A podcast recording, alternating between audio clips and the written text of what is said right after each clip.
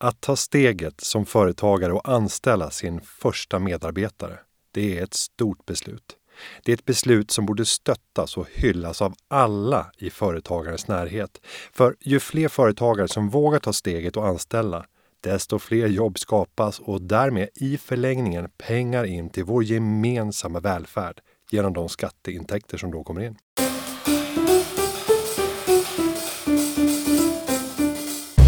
Att anställa till sitt företag behöver inte vara så svårt eller komplicerat som många kanske tror.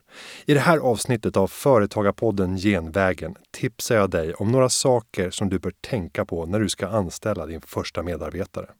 Jag heter Günther Mårder och är VD på Företagarna. Organisationen för dig som äger och leder företag i Sverige. När du tänker anställa är det viktigt att först fundera över hur du vill att din organisation ska se ut. Det är självklart du som framtida arbetsgivare som bestämmer vilka befattningar som ska finnas och hur det ska se ut i din verksamhet. Ställ upp de önskemål som du har på den personen som du ska anställa. Det kan till exempel vara utbildning, erfarenhet, praktiska kunskaper, personliga egenskaper och så vidare. Du vet sannolikt absolut bäst själv eftersom det är din verksamhet. Du bestämmer vem du vill anställa och du har fri anställningsrätt.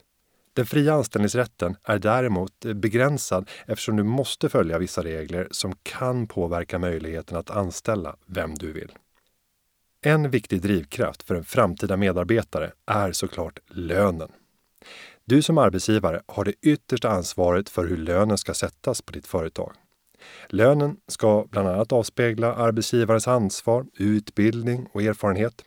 För att du som arbetsgivare ska veta vilken lön du ska sätta på dina arbetstagare kan du börja med att ta reda på var lönenivån ligger för liknande arbetsuppgifter hos andra företag. Det kan du göra genom att bland annat ta kontakt med fack eller arbetsgivarorganisationer som har lönestatistik. Men du kan också hitta offentlig statistik för löner på nätet. Ett annat tips är att använda sig av Skatteverkets offentliga uppgifter. Om du vet vilka personer du vill ha löneuppgifter på så kan du faktiskt ringa till Skatteverket och få personnummer och därefter ställa frågan om hur hög inkomst av tjänst den personen deklarerat för de senaste åren. På det här viset kan du snabbt få en uppfattning om vad en rimlig lön för tjänsten kan vara. Som arbetsgivare ska du även kunna ge information om när och hur lönen betalas ut. Utöver lön så tycker jag att du ska fundera över vilka andra positiva värden som du kan erbjuda i ditt företag åt medarbetaren. Det kan handla om förmåner som delägande i företaget, försäkringar, flexibla arbetstider, arbetsmiljö, vidareutbildning, sociala aktiviteter tillsammans med kollegor. Ja, bara fantasin sätter gränser för vad du kan erbjuda för att attrahera rätt medarbetare. Vad gäller försäkringar så är det inte tvång att ha försäkringar på dina medarbetare. Men jag skulle starkt rekommendera dig att se över vilka risker som du kan göra dig av med genom att teckna försäkringar. Glöm heller inte att undersöka vilka försäkringar som är avdragsgilla.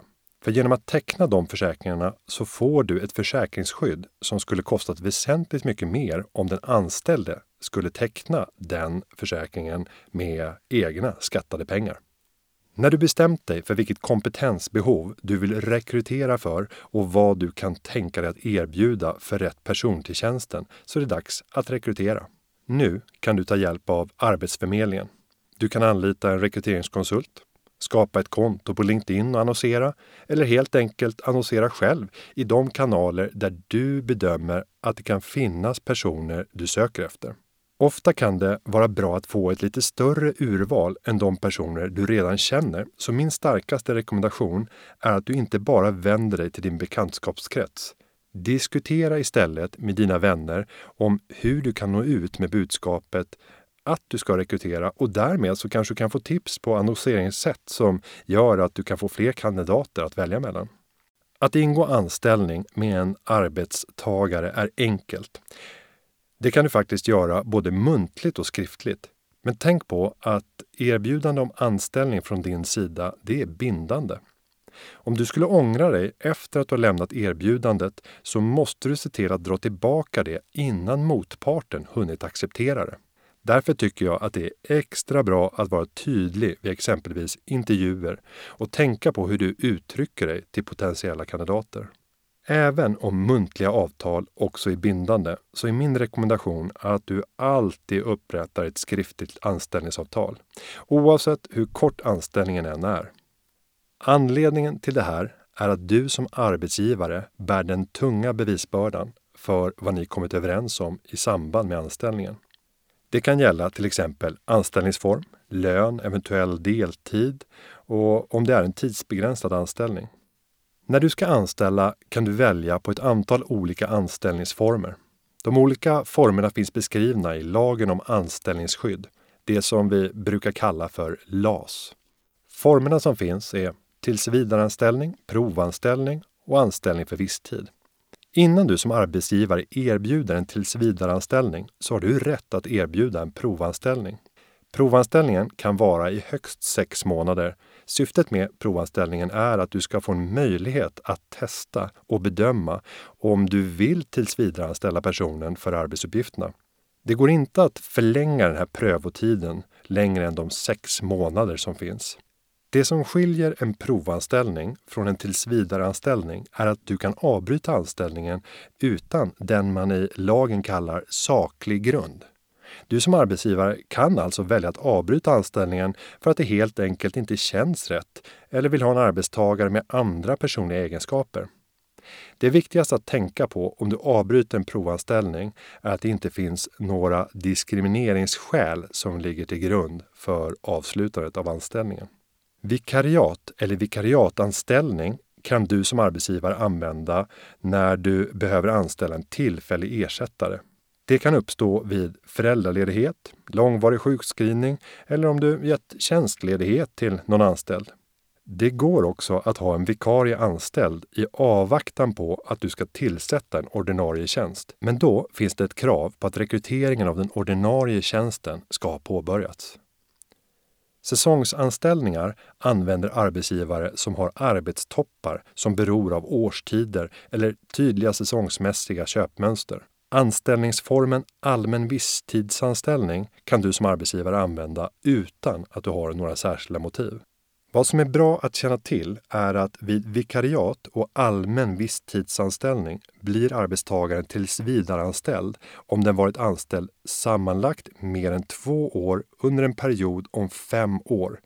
Och då behöver du ha koll på hur många månader den anställde har arbetat sammanlagt hos dig. På företagarna.se har vi skapat en ordentlig guide för dig som vill anställa. Vi kallar den här guiden för Arbetsgivarhandboken den är helt gratis för dig som redan är medlem och som medlem har du även tillgång till experthjälp med eh, exempelvis avtalsmallar från våra jurister på Företagarna. Lycka till med din nya roll som arbetsgivare. Vi hörs igen nästa vecka. Underlaget till det här specialavsnittet Företagarna genvägen är framtaget av David Hagen och mig själv. Klippningen, ja den är som vanligt gjord av Petra Chu. Vi hörs nästa vecka. Hej då!